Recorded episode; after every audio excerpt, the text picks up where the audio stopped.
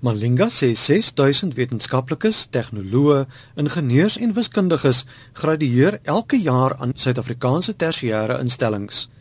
Maar as jy kyk na die dinge wat ons elke dag gebruik, is bykans alles in die weste of die ooste ontwerp. Die Suid-Afrikaanse regering is ook besorg oor die gebrek aan innovering in byvoorbeeld biotehnologie en inligtingstegnologie. Malinga sê die wortel van die probleem is dat die kunste en wetenskap se paaie in die graad 10 syllabus op hoërskool skei. I made some reference to what Albert Einstein also said that all great scientists are artists and also that scientists do not think in formulas or equations but they think in images in feelings they first visualize Malinga stel voor dat kuns as vak saam met wetenskap, tegnologie, ingenieurswese en wiskunde aangebied word op hoërskool en universiteit.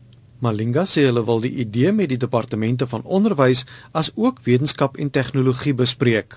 But what we want to propose is first a dialogue, a conversation between ourselves and also those who plan our education. we need to sit down and take the national innovation agenda and say to them, look, if we were to meet these innovation targets, we need to do something drastic. Malinga gee toe dat nie alle skole dadelik in staat sal wees om so 'n beleid te volg nie. Daarom stel hy voor dat die kunste as vak aangebied word by KwaZulu-Natal se sentrums vir innovering en tegnologie by Richards Bay, Newcastle, Pietermaritzburg en Margate.